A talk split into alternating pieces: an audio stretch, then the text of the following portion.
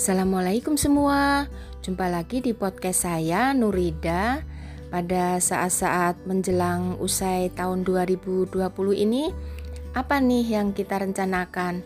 Nah di tantangan hashtag 30 hari bersuara kali ini Pas banget nih akan mengangkat tema mengenai resolusi ya.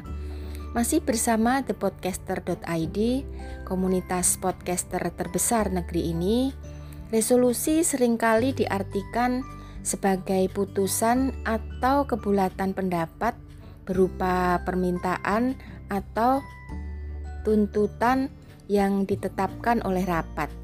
Jadi, semacam kesepakatan gitu ya. Namun, kata resolusi ini sering kali muncul pada awal tahun baru atau menjelang tahun baru, yang digunakan sebagian orang untuk menyebut capaian apa serta impian dan harapan di tahun depan. Setiap tahun selalu begitu sih, apalagi di jelang pergantian tahun.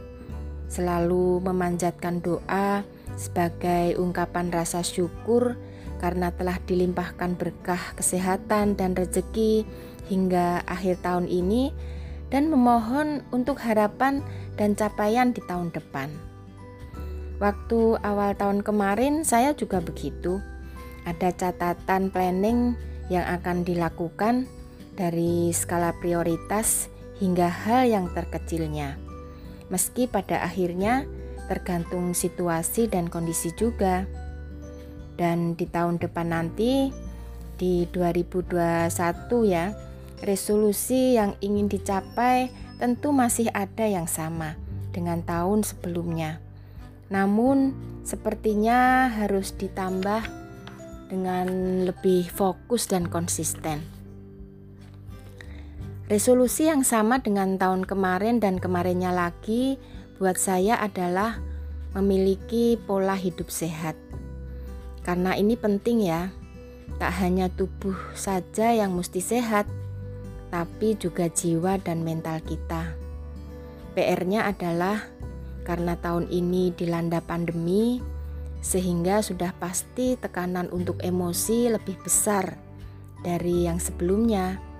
Karena untuk menyegarkan diri banyak situasi yang dibatasi. Poinnya harus tetap menjaga kebugaran dengan keseimbangan lahir dan batin. Banyak hal yang bisa dicatat untuk resolusi ini, dan sabar serta ikhlas adalah kunci untuk membuat resolusi gaya hidup sehat. Selanjutnya, yang perlu dipertahankan adalah semangat dan rasa optimis. Apa pun yang akan kita lakukan, butuh kedua hal ini, sehingga hasilnya nanti juga akan optimal.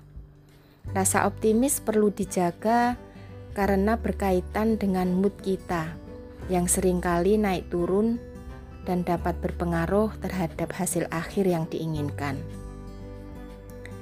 Saat sudah punya rencana dan melakukannya, jangan lupa perkuat dengan doa.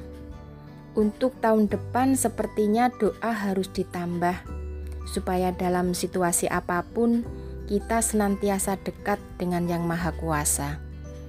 Nasihat ibu saya sih, bila sudah maksimal berusaha, hasil akhir serahkan saja kepadanya.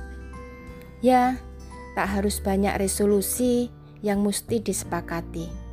Teruslah berkarya, jangan putus asa, jalin relasi, dan selalu berbaik sangka. Semua itu akan membuka jalan untuk kebaikan selanjutnya.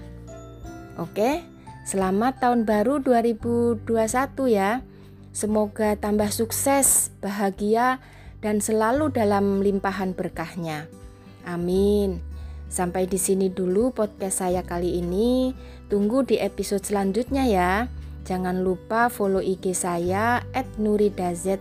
Juga kepoin podcastnya Morning Doctor di Anchor FM dan Spotify. Salam sehat dan selalu semangat.